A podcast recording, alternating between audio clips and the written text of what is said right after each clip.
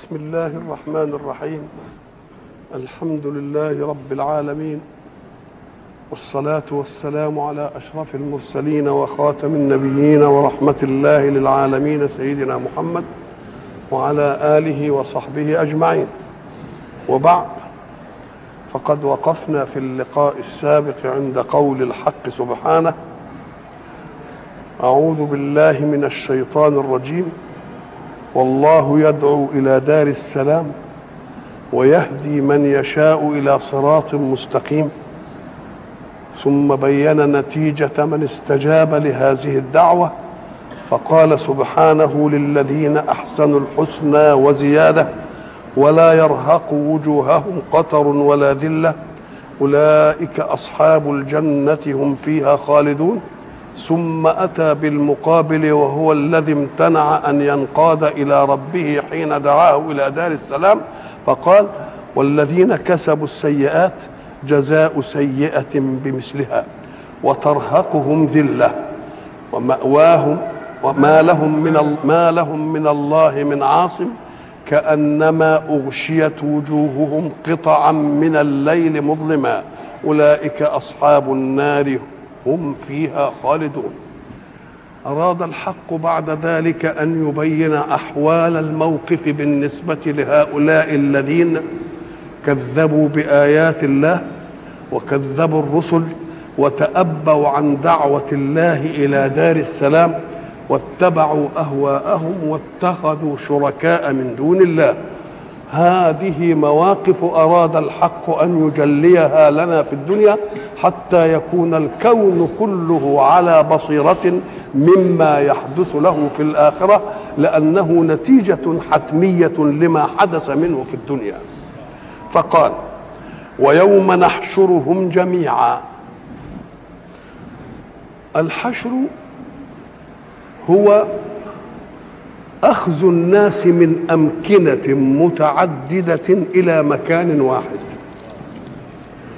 وما دام الله سيأخذ الناس من أمكنة متعددة إلى مكان واحد فالأمكنة المتعددة ستقذف إلى المكان الواحد. اذا فكل الأمكنة تصب في مكان فكلما اقترب الناس من المكان ازدحموا. وذلك شأن الدائرة بمحيطها والمحيطات الداخلة في المحيط إلى أن تلتقي بالمركز. فإذا نظرت إلى محيط واسع في الدائرة وبعد ذلك أخذت الأفراد من على المحيط الواسع لتذهب بهم إلى المركز. فلا شك أنك كلما اقتربت من المركز ضاقت الدوائر فوجد الحشر. فكأننا سنكون مزدحمين ازدحاما ولكن هذا الازدحام يشغلنا عن متاعبه ما يكون الناس فيه من أهوال القيامة ويوم نحشرهم جميعا نحشرهم جمع وجميعا تأكيد للحالات ليه؟ لأن الذين لم يستجيبوا لمنهج الله ولا لدعوة الله لهم إلى دار السلام وكذبوا رسلهم اتخذوا من دون الله أندادا. فيجمع الله المتخذ أنداد والمتخذ ند ويواجههم مواجهة حتى تكون الفضيحة تامة وعامة بين عابد لمن عبد باطلا وبين معبود. مرة لم يطلب من عابده أن يعبده ومرة طلب من عابده أن يعبده. الذين يعبدون من دون الله شركاء منهم من عبد الملائكة ومنهم من عبد رسولا وجعله إلها وربا ومنهم من عبد صنما ومنهم من عبد شمسا ومنهم من عبد قمرا ومنهم من عبد جنا ومنهم من عبد شياطين الإنس أو شياطين الجن. إذا فالمعبودون متعددون.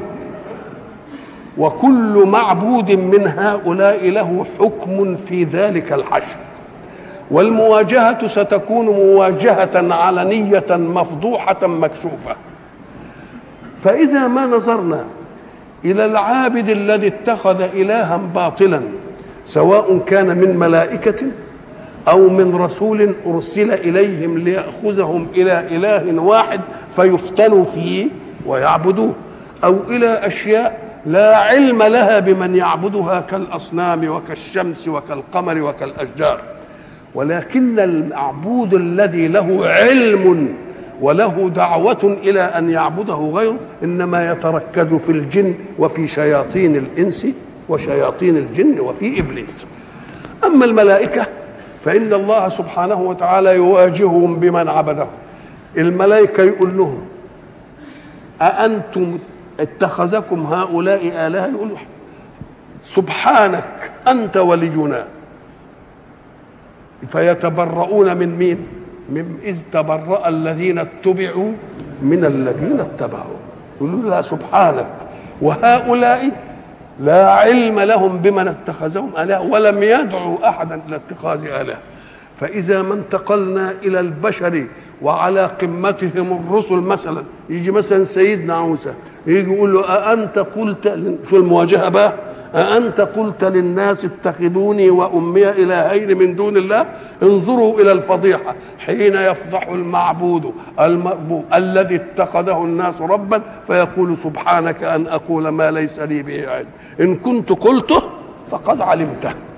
فكأن هؤلاء عبدوا وأله بشرا لا علم له بهذا التهليل ولم يدعو ولم ولم يدعو إليه. والأصنام الأصنام أيضا لا علم لها بمن ادعى. ولكن الذي له علم بالدعوة من هو إبليس. ليه؟ لأن إبليس حينما عز عليه أن يعصي الله وأن يعصي آدم ربه أيضا ولكن آدم قبل الله توبته وإبليس لم يقبل الله توبته. المسألة لا تعنت فيها. المسألة منطقية مع أصل المعصية. فقبول التوبة من آدم والطرد لإبليس أمر منطقي مع الموقف. لأن إبليس رد الحكم على الله. وآدم لم يرد الحكم على الله. وإنما اتهم نفسه. حكمك يا رب حق وكلامك صدق وأمرتني أن لا أقرب الشجره ولكنني لم أقدر على ولكن إبليس لم يكن موقفه هذا لأنه تأبى على الحكم استكبر وقال أأسجد لمن خلقت طينا؟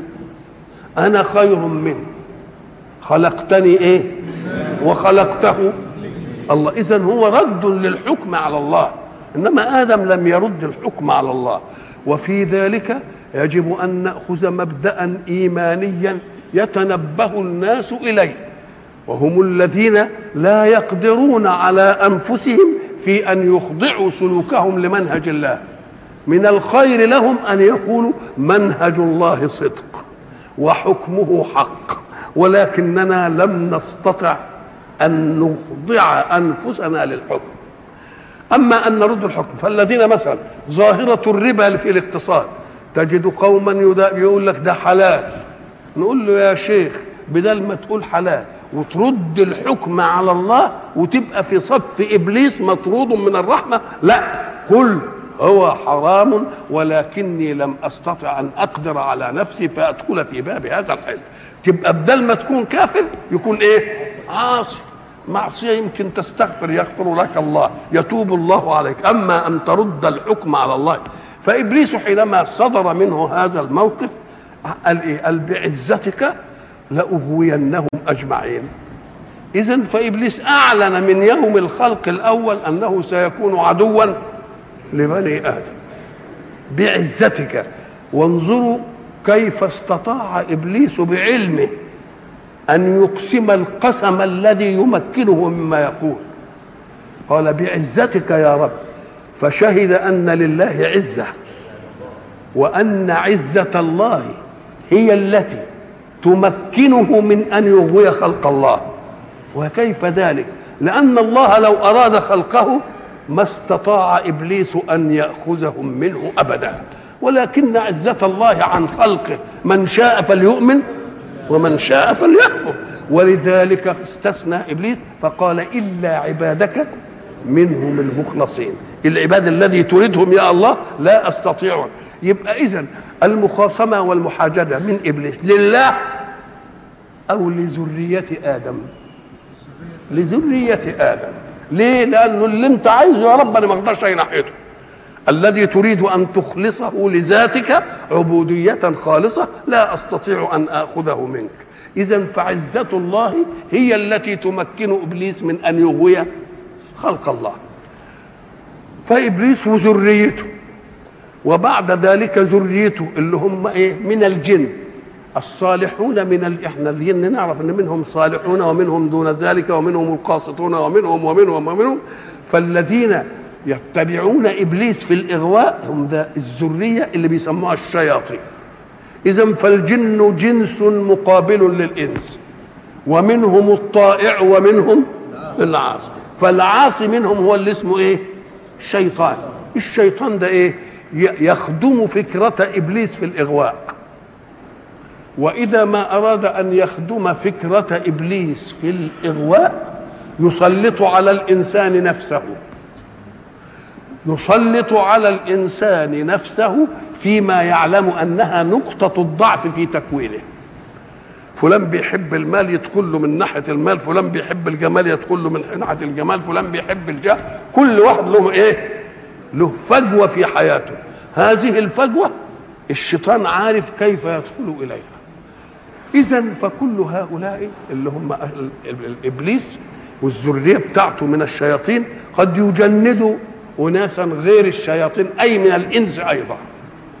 يبقوا ثلاث أشياء هم اللي هم اللي طلبوا أن ينصرف الناس عن منهج الله وعن دعوة الحق. إبليس والعاصون من ذريته وهم الايه الشياطين والذين يخدمون فكرة إبليس من الإنس اللي هم شياطين الإيه؟ شياطين الإنس. دول هم اللي بيعملوا الأعمال التي تناهض منهج الإيه؟ الرسل. وعلى علم من ذلك. يبقى إذا الحوار يجب أن يكون بين مين ومين بقى. أيكون الحوار بين الملائكة الذين لا علم لهم بهذه المسألة؟ أيكون الحوار بين عيسى الذي ادعى قومه انه أنه إله وهو لا يرضى عن هذه المسألة؟ الحوار. أيكون الحوار مع الذين عبدوا الأصنام والأصنام لا علم لهم بها؟ ولذلك تجد حين يخاطب مثلا أحد العارفين ال ال ال ال الأحجار يقول عبدونا ونحن اعبد لله من القائمين في الأسحار. لأنه وإن من شيء إلا يسبح عبدونا ونحن أعبد لله من القائمين في الأسحار. اتخذوا صمتنا علينا دليلا. مش قادرين نقول لهم لا. فغدونا لهم وقود النار. بقى هم بيعبدونا وإحنا اللي نحمي, نحمي نفسنا كده ونحرقهم؟ عبدونا ونحن أعبد لله من القائمين في الأسحار. اتخذوا صمتنا علينا دليلا. فغدونا لهم وقود النار. وقودها الناس والإيه؟ الحجارة اللي كانوا إيه؟ قد تجنوا جهلا كما قد تجنوه على ابن مريم. يعني برضو قالوا إنه إيه؟ هل ابن مريم يرضى بالحكاية دي؟ هل قال لهم اعملوا الحكاية دي؟ قد تجنوا جهلا كما قد تجنوه على ابن مريم والحواري. ما موقف الله من هؤلاء؟ للمغالي جزاؤه. والمغالى فيه تنجيه رحمة الغفار يبقى إذا اللي ما لهمش دعوة بالحكاية دي ولا دعوة حد يعبده ولا دعوة حد إنه يخالف المنهج أهو دول إيه؟ دول قسم. فقول الله يوم نحشرهم جميعا يشمل الهو يشمل هؤلاء اللي هم الملائكة يشمل عيسى يشمل الأصنام يشمل الكواكب ويشمل مين؟ إبليس ويشمل الذرية ويشمل شياطين الإنس إيه؟ أيضا. يوم نحشرهم يعني اذكروا جيدا وأنتم في الدنيا أنكم ستحشرون حشرا إلى موقف يفضح كل إنسان. والموقف هيبقى مواجهة. ماذا يكون الموقف؟ يو ويوم نحشرهم جميعا ثم نقول للذين أشركوا.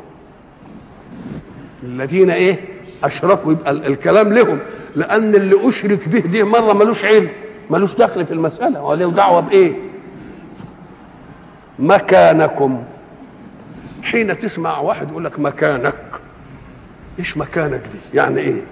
يعني إلزم مكانك فلا تتحرك حتى أنهي موقفي معك. أتقولها لإنسان تحبه؟ يكون مقبل عليك تقول له مكانك بس. اقف كده. ده كلمة وعيد وكلمة تهديد ومعناها إيه؟ انتظر فإن لي معك موقف هذا الموقف مش في صالحك. مكانك. ويوم نحشرهم جميعا ثم نقول للذين أشركوا. ما هم عايزين بقى يروحوا في الزحمة بقى وإيه؟ ويفلتوا كده مكانك. مكانكم أنتم آه نقول أشركوا مكانكم أنتم وشركاؤكم. مكانكم أنتم وشركاؤكم. جايين هم في كوكبة واحدة. أم قال لك لا هم جم في كوكبة واحدة لأنهم اجتمعوا على باطل. لكن الوقت ده عايزين نجعل ده فريق وده فريق. خصم وايه خصم يعمل إيه؟ فزيلنا. ففرقنا بينهم. عشان تبقى ده فريق يواجه وفريق إيه؟ يواجه. فزيلنا بينهم. وهناك الآية الثانية لو تزيلوا هم الذين إيه؟ كفروا وصدوكم عن المسجد الحرام والهدي معكوفا أن يبلغ محلة. ولولا رجال مؤمنون ونساء مؤمنات لم تعلموهم ان تطؤوهم فتصيبك فتصيبكم منهم معرة بإيه؟ بغير, بغير علم ليدخل الله في رحمته من يشاء. لما أراد رسول الله أن يدخل إلى مكة فاتحا ثم حدث في الحديبية وبعد ذلك حدث أن ردوه والصحابة تأبوا على هذا الرد ورسول الله أمضى المعاهدة في أن يرد هذا العام ويأتي في العام القابل بعمرة القضاء. حز في نفوس الصحابة إيه؟ ذلك. فأراد الله أن يبين لهم الحكم قال إن فيهم رجال مؤمنون ونساء مؤمنات لا تعلمونهم. فإذا ما دخلتم محاربين لأهل مكة حاربتم في طيهم من كان معكم على الإيمان. تكونوا سبا فالله حسم الموقف ولم يجعل فيه إيه؟ معركة. لو تزيلوا دي اللي معانا بقى. لو تزيلوا أي لو أن فريق المؤمنين كان لوحده وفريق الكفار كان لوحده كنا جعلناكم تدخلوا على فريق الكافرين ويكون المؤمنون إخوانكم بمنأ عن هذه الايه عن هذه المعركة.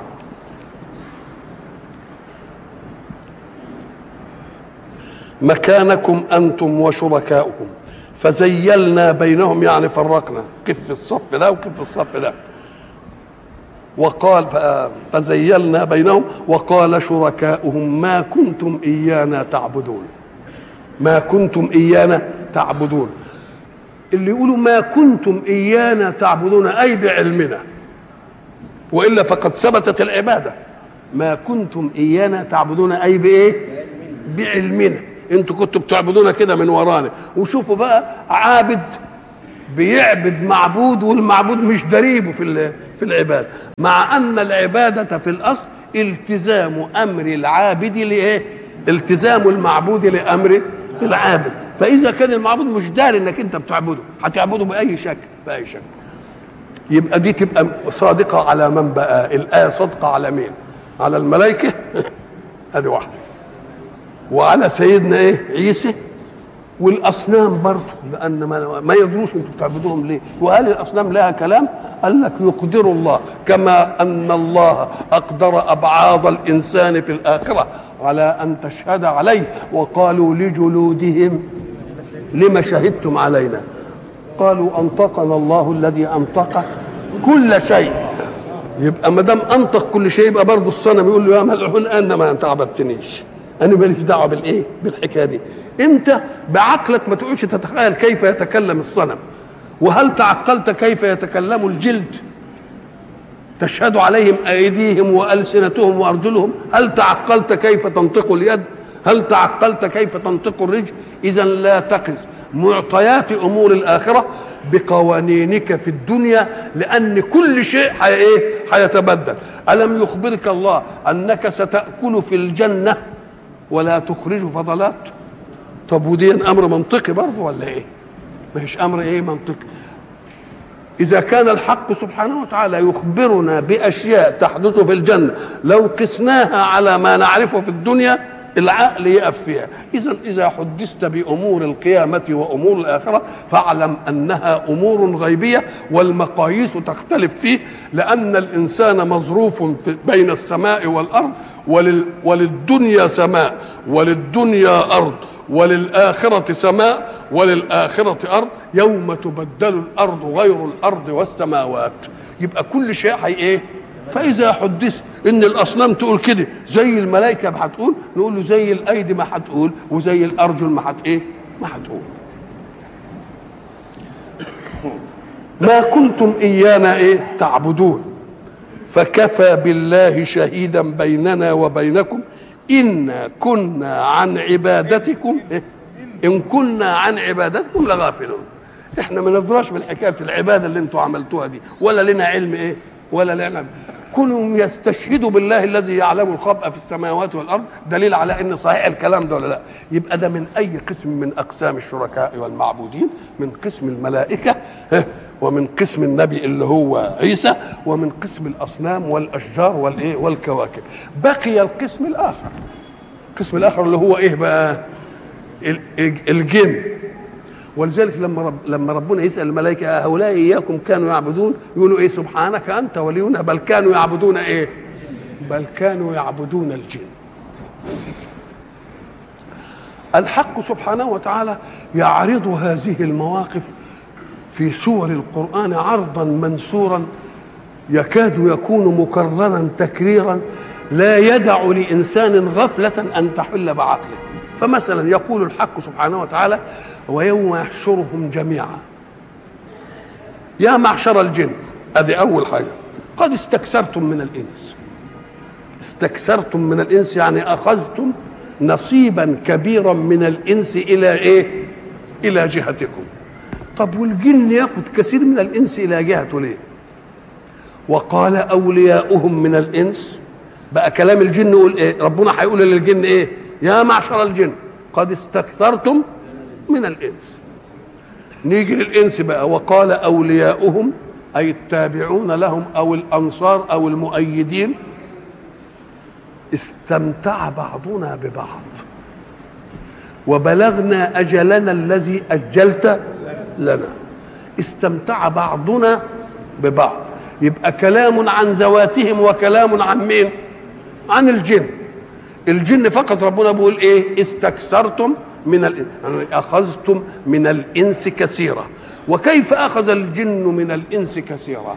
لأن الله أعطى للجن في تكوينهم ما لم يعطه للإنس في تكوينهم فجعل لهم خواص مش موجودة في الإنس.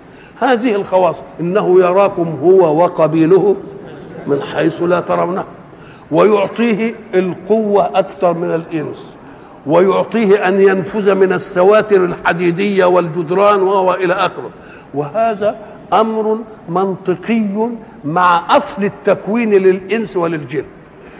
أنت مثلا طب الانسان خلق من طين والجن خلق من إيه؟ خلق من نار. طبيعة الطين أهي طبيعة النار؟ الطين وما يخرج منه قار يعني ما يشعش. لكن النار تشع. بمعنى إيه؟ بمعنى لو أنك جالس في حجرة وخلف ظهرك في الحجرة الأخرى نار موقدة. الساتر ايا كان إلا أن يكون بقى عازل عشان يعزل حرارة يخلي الحرارة توصل لك ولا ما توصلش؟ من أين وصلت والجدار؟ قائم بينكم. يبقى اذا إشعاعه يستطيع إشعاع النار يستطيع أن ينفذ من إيه؟ من الحاجة طب هب أن تفاحة وهي من الطين مأخوذة وموضوعة في هذا. أطعمها يتعدى إليك؟ ألونها يتعدى إليك؟ أريحها يتعدى إليك؟ إذا فدي تكوين الطين وده تكوين إيه؟ النار. فاللي يخلق انخلق من طين يبقى قانونه إيه؟ واللي مخلوق من النار يبقى قانونه إيه؟ اللي مخلوق من النار يبقى قانونه قانون إيه؟ نافذ إشعاع. واللي مخلوق من الطين قانون قانون قري ما لم تنقل الجرم الطيني إلى المكان ما يجيش. يبقى إذا كل واحد له إيه؟ له قانون. تلمح هذه المسألة التقنينية في قصة سيدنا سليمان حينما تفقد الطير. فقال ما لي لا أرى الهدهد أم كان من الغائبين. لأعذبنه عذابا شديدا أو لأذبحنه. أو ليأتيني بسلطان فمكث غير بعيد إلى آخر الإيه؟ ولما قال له لها عرش عظيم واتكلموا على آخر قال سليمان على نبينا وعليه أفضل الصلاة والسلام أيكم يأتيني بعرشها قبل أن يأتوني إيه؟ مسلمين. قول سليمان أيكم يأتيني بعرشها؟ يدل على أن الأجناس في مجلسه كانت أجناسا متفاوتة ولهم قدرات مختلفة. ونقل العرش من اليمن لحد سليمان يحتاج إلى إيه؟ إلى زمن وإلى قوة وإلى آخره فلو أنهم متساوون ما كانش يقول أيكم يأتيني. فلما أرادوا الجواب نجد أول من تكلم عفريت من الجن. أتكلم الإنسي العادي؟ ما تكلمش. ليه؟ لأن الإنسي العادي لم يدخل نفسه في تجربة يعلم أنه لن يستطيعها. ليه؟ قال لك لأن دول في كذا وادي المسافة البعيدة. وسليمان قد علم أن سبأ أن ملكة سبأ. في الطريق لتعلن إسلامها بسليمان. إذا فقد علم أنها إيه؟ قامت. وهو يريد من الذي يذهب إلى مكانه ليأتي بالعرش يأتي قبل أن تأتي. يبقى عايزين سرعة قد إيه بقى؟ طب ده هم جايين في الطريق. يبقى فيه مسافة زائدة على ما يروح وعلى ما يحل العرش وعلى ما يجي ويجي قبله. يبقى عايز سرعة قد إيه دي؟ يبقى عايز سرعة فالإنسي العادي لم يتكلم لأن المطلوب ليس في قدرته وإنما تكلم جنس آخر وهو الجن. وهل تكلم الجني العادي؟ أم قال عفريت من الجن؟ كلمة عفريت من الجن تدل على أن الجنس وإن كانت له صفات. هي أقوى من صفات الجن وإن كانت له صفات في جنسه أقوى من صفات الإنس إلا أنهم متفاوتون أيضا تفاوت الأناسي زي ما تلاقي ناس واحد ذكي وواحد غبي وواحد شاطر وواحد خايب وواحد كذا كذا. الجن كذلك. ذلك قال إيه؟ عفريت من الجن. مش جن لا اذا الجن فيها برضه زي ما بنقول فيهم لبخة زينا. برضه. إنما وان كان الجنس كله له مزية. إنما افراده لها إيه؟ لها تفاوت في المزية. فالذي لم يتكلم الجن العادي وإنما تكلم مين؟ عفريت من الجن. يبقى اذا الإنسان لم يتكلم والجن العادي لم يتكلم وإنما تكلم الجن الإيه؟ العفريت. العفريت اللي يقدر ينفذ من الإيه؟ من الحكاية دي. قال له إيه؟ أنا آتيك به قبل أن تقوم من مقامك. طبعا إحنا مش عارفين المقام ده قد إيه. إنما حين قال له قبل أن تقوم من مقامك المخاطب بهذه العبارة يعلم الزمن. يعني إيه يعلم الزمن؟ عارف هو بيقعد في الحتة اللي بيقعد فيها قد إيه؟ ساعتين ثلاثة أربعة. يبقى هاجي لك قبل ما تقوم من الإيه؟ من المجلس. يبقى إحنا ما نعرفهاش. إنما اللي يعرفها مين؟ اللي سمعها. قبل أن تقوم إيه؟ مقامك ساعة ساعتين حسب بقى المقام اللي هو كان بيقعده وياهم ما هو عامل في وقت من الزمن يلتقي فيه بهؤلاء. الزمن اللي بيلتقي فيه بهؤلاء ويطلع يقعد يتكلم وياهم قد إيه؟ ساعة ساعتين؟ يبقى ده الزمن المحدد عنده. قبل أن تقوم من إيه؟ مقامك. جاء من الجالسين واحد تاني عنده مقياس أدق شوية قال الذي عنده علم من الكتاب أنا آتيك به قبل أن يرتد إليك طرفك. الله الله الله الله. قبل أن يرتد الطرف آه. طب ده على ما يقول أنا. آتيك به. قبل أن يرتد إليك طرف. يكون طرفه ارتد كم مرة في الحكاية دي؟ يعني اذا قبل ما يقول أنا آتيك كان. ولذلك عبر القرآن التعبير الفجائي السريع. قال أنا آتيك به قبل أن يرتد. ما استحملش الحياة كان سليمان يقول له أيوه اذنا لك إنك تجيب. وبعدين ده قال له فلما رآه مستقرا عنده. المسألة ما تتحملش. يا دوب أنا آتيك به قبل أن فلما رآه مستقرا عنده. تبقى كلام منطقي ولا لأ؟ إذا فللجن قوة على أشياء هذه الأشياء لا يقوى عليها مين الإنس ولكن أأخذ الجني خواصه في الخفة والقدرة ومهارة اختزال الزمن بذات تكوينه ولا بإرادة المكون أن يحدث منه ذلك؟ آه بإرادة المكون. ولذلك قال أنت يا جني أعطيتك الخصوصيات دي في خصوصيات التكوين ولكنني أستطيع أن أجعل الأدنى وهو مين بقى؟ الإنس. أعلمه حكاية يسخرك بها ويمسكك كده ويقول لك ويركبك ويقول لك كن في خدمتي. الله الله الله. اذا المسألة بقى إعطاء العنصر التكويني للذات مش هو المتحكم إنما إرادة المعنصر هي المتحكمة. فيجي بقى يقول لنا القصة علشان يستكثروا بقى من الإيه؟ من الانس أمال يعني الجن هياخد الإنس ليه؟ قال لك الانسي هيعوز الجن لأن عنده قوانين وقدرة أكثر من مين؟ أكثر منه فياخد فرصة قوية في الحياة. الفرصة القوية في الحياة دي تجعل الانسي يعتقد أنه سيضم فرصة الجني إلى تكوينه. يقوم يقوى على نظيره من الإنس ولا ما يقواش يبقى اللي بيسخر جن هياخد فرصة أقوى من مين؟ من الذي لا يسخر الجن. نقول له برضه وهتقدر تسخره وتاخد كده حبيب إنما فزادوهم رهقا. أوعى تفتكر إنه هيجيب لك أزيد مما كتب إليك في قانونك. واتبعوا إيه؟ اقرأ بقى. واتبعوا ما تتلو الشياطين على إيه؟ ملك سليمان وما كفر سليمان. ولكن الشياطين كفروا يعلمون الناس السحر. الله بقى بيعلموا الناس إيه؟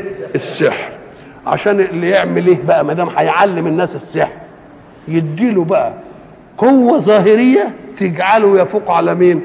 على مثيله في الإنس. يوم لما ياخد من الجن حاجة كده ويسخرها ويبقى أقوى من مثيله في في الإنس يوم كل واحد بده ياخد إيه؟ ياخد فرصة ويتعلم السحر من مين؟ من الجن. ولكن ما لم ما غشوهم. وما يعلمان من أحد حتى يقول إنما نحن فتنة فلا تكفر. إحنا جايين إيه؟ فتنة. اوعى تكفر بالتعلم. ليه؟ أم قال لك لأنك إذا تعلمت السحر وأخذت على بني جنسك فرصة زائدة قد تطغيك هذه الفرصة. وإذا ما أضغتك هذه الفرصة فستظلم بها.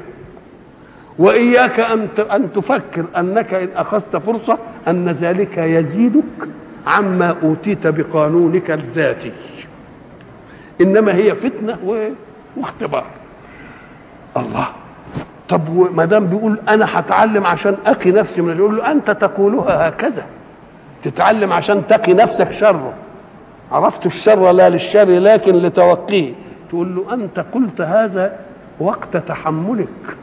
ولكنك لا تضمن الأغيار في نفسك وقت أدائك.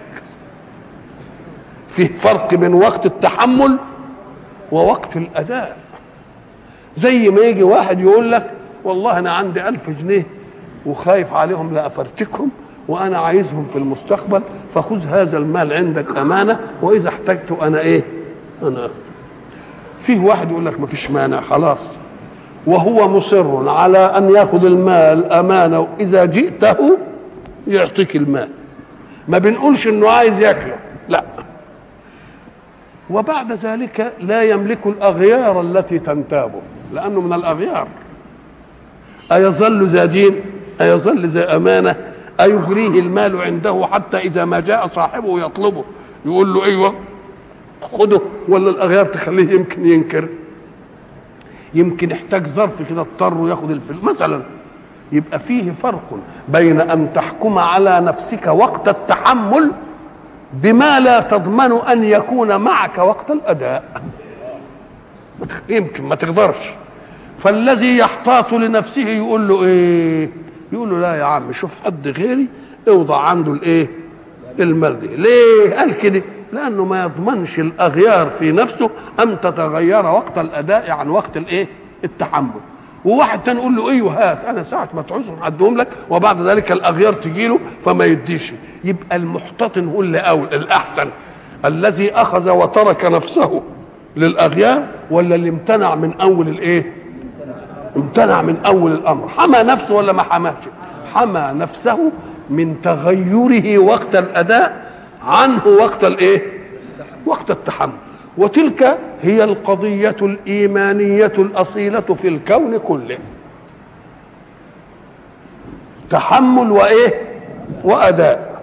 إنا عرضنا الأمانة على السماوات والأرض والجبال. فأبين أن يحملنها. الأمانة هي إيه؟ إيه الأمانة؟ إحنا بنقول الأمانة هي ما يكون في ذمة المؤتمن ولا حجة للمؤتمن عنده إلا ذمته. مش في شهود وقاعدين وقال لك أنا اديت فلان كذا أو في إيصال أو في أبدا.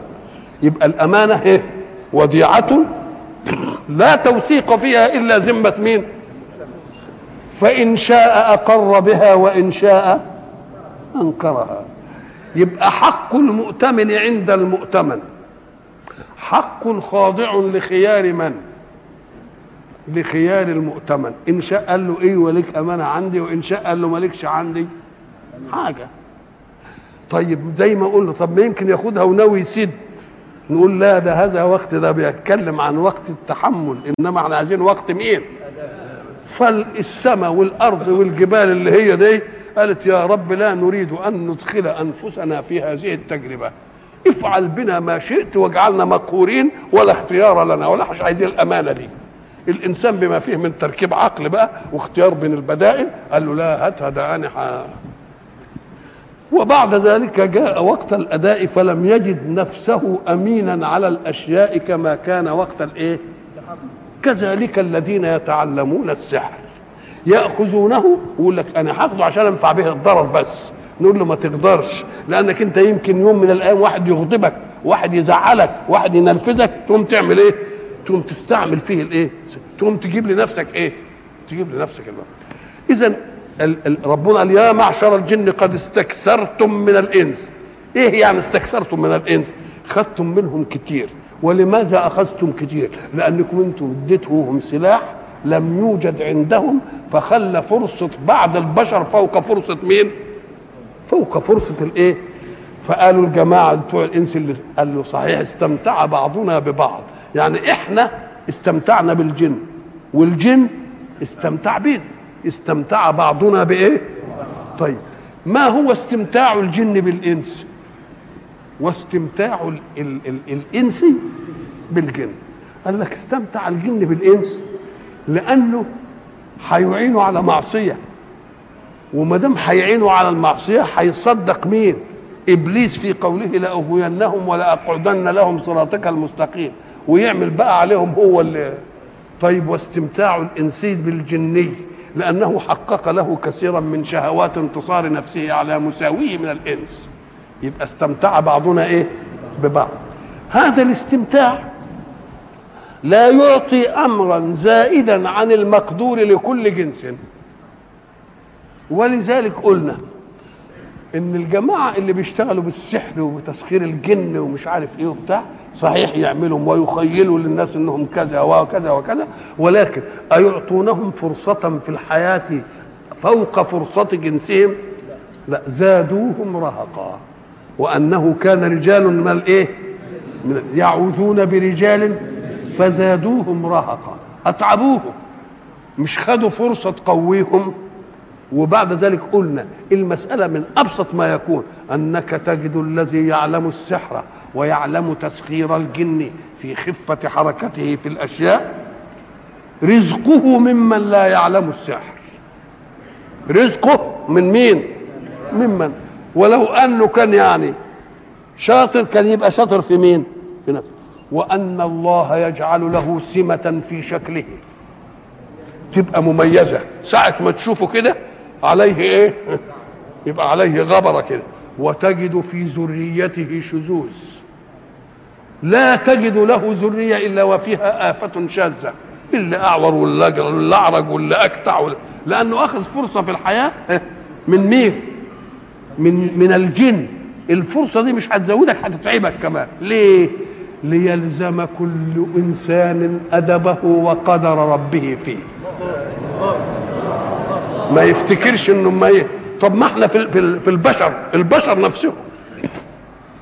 مش فيه واحد بيستعمل فتوات ولا ناس من اللي بيضربوا نار ولا ناس من اللي بيسمم ولا ناس مش عارف إيه وبيعمل؟ عشان إيه؟ عشان يأخذوا فرصة على مين؟ على عدوه. وبعدين ياخد الفرصة مرة والتانية وبعدين النتيجة إيه؟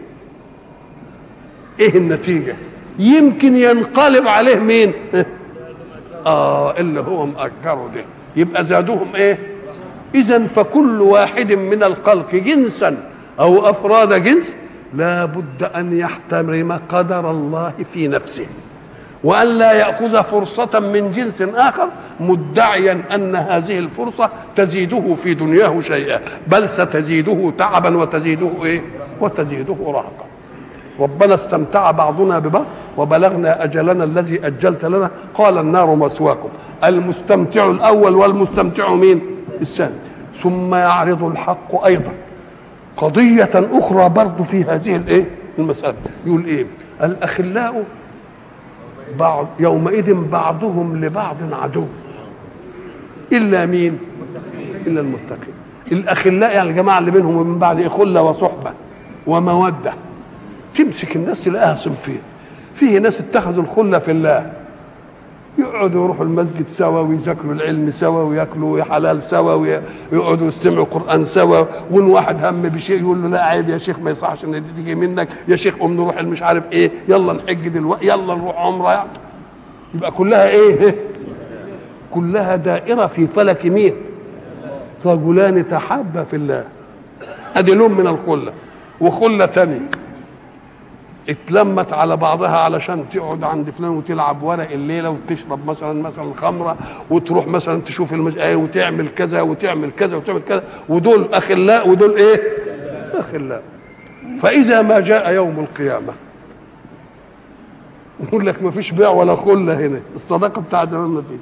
لا خلة تبقى إلا خلة اللقاء في مين؟ ساعة ما يشوفوا بعض أحباب اللي كانوا في الله يقول له جزاك الله عني خير. شوف أنا كنت أعلى المعصية الفلانيه وأنت ضربتني على إيدي قلت لي لا ومش عارف إيه وتوبتني عن كذا وعن يفرحوا ببعض ولا ما يفرحوش؟ لكن اللي كانوا بقى ويا بعض دايرين على حل شعورهم. إذا التقوا ماذا يا الله؟ يكرهوا ولا ما يكرهوش؟ لأنه أعانه على الشر وهذه نتيجة مين؟ نتيجة الشر. يبقى إذا المواقف اللي ربنا بده يعرضها عشان يبين لنا القضية. الأخلاء يومئذ بعضهم لبعض عدو إلا مين؟ إلا المتقين. ربنا يقول إيه؟ يوم نقلب إيه؟ وجوههم. وبعد ذلك يجتمعون ليدفع بعضهم عن بعض القول. يعني ده يقول كلمة وده يرد عليه. قال الذين استضعفوا للذين استكبروا. إنا كنا لكم تبعا. شوف بقى الحوار اللي هيحصل. المستضعفين هم والمستكبرين هم. قال الذين استضعفوا للذين إيه؟ استكبروا إنا كنا لكم تبعا. فهل أنتم عن مغنون عنا من عذاب الله من شيء؟ ما تشوف أنتوا إحنا كنا تابعين لكم. ما تشوفونا في الورطة دي تعملوا لنا إيه؟ يقول لو هدانا يقول هم يردوا بقى إيه؟ لو هدانا الله إيه؟ سواء علينا أجزعنا أم صبرنا ما لنا من محيط. وبعد ذلك يقف الشيطان. وقال الشيطان لما قضي الأمر إيه؟ إن الله وعدكم وعد الحق. ووعدتكم أنا فأخلفتكم. الله. أنا ما كانش لي عليكم سلطان.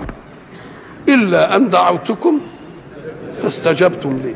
فلا تلوموني ولوموا أنفسكم. ما دام أنا ملكوش عليا سلطان. فلا تلوموني ولوموا أنفسكم. ما أنا بمصرخكم ولا أنتم شوف الحوار بقى اللي بيكشف الايه؟ اللي حتى كمثل الشيطان إذ قال للإنسان إيه؟ اكفر فلما كفر قال إني إيه؟ قال إني أخاف الله. الله. الله يعرض هذه القضية ويقف الشيطان على ملأ من الناس ويقول إيه؟ إن الله وعدكم وعد الحق ووعدتكم فأخلفتكم. وما كان لي عليكم من سلطان. ما هو السلطان؟ السلطان اللي يقدر يقهر. اللي يقدر يقهر دي له طريقتين اتنين يا يقهرك على أن تفعل وأنت متأب. يعني ما أنتش عايز تفعل هو يخليك إيه؟ تفعل. يبقى بيكرهك. يا يقنعك بالحجه ويخليك تفعل برضاك. فالسلطان القاهر هو الذي يجعلك تفعل وأنت والسلطان بالحجة يجعلك تفعل وأنت إيه؟ راض ومقتنع. فإبليس بيقول أنا ما كان لي عليكم لا سلطان الحجة ولا سلطان مين؟ ولا سلطان القهر وإلى لقاء آخر إن شاء الله.